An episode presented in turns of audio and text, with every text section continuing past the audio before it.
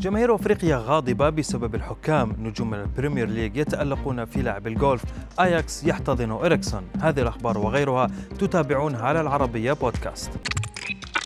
جمهور كوت ديفوار صب جام غضبه على اللاعب إيريك بيلي الذي ضيع ركلة ترجيحية بطريقة غريبة أمام المنتخب المصري. لاعب مانشستر يونايتد قرر تسديد الركلة بطريقة استعراضية ودون النظر إلى الحارس أو الكرة التي وصلت سهلة إلى حارس الفريق المنافس. نبقى مع أخبار كأس أفريقيا. اتهامات جديدة تحاصر الحكام من طرف الجماهير المتابعة بسبب كثرة البطاقات الحمراء ومع انتهاء مباريات دور الثمن النهائي بلغ عدد البطاقات الحمراء 13 بطاقة وهو ما يعادل عدد حالات الطرد في النسخ الأربع الماضية مجتمعة.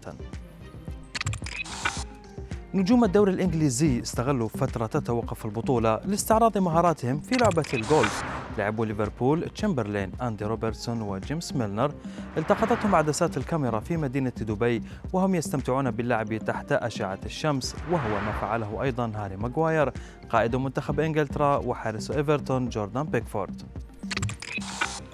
الدنماركي إريكسون لم يجد فريقا يحتضنه سوى ناديها السابق أياكس أمستردام الذي شهد انطلاقته نحو النجومية. أياكس سمح لإريكسون بالتدرب مع الفريق الرديف للنادي الهولندي بهدف استعادة مستواه السابق بعد الفترة التي قضاها بعيدا عن عالم كرة القدم. ورجحت تقارير إعلامية إنجليزية انتقال إريكسون إلى برنتفورد بعقد يمتد لستة أشهر.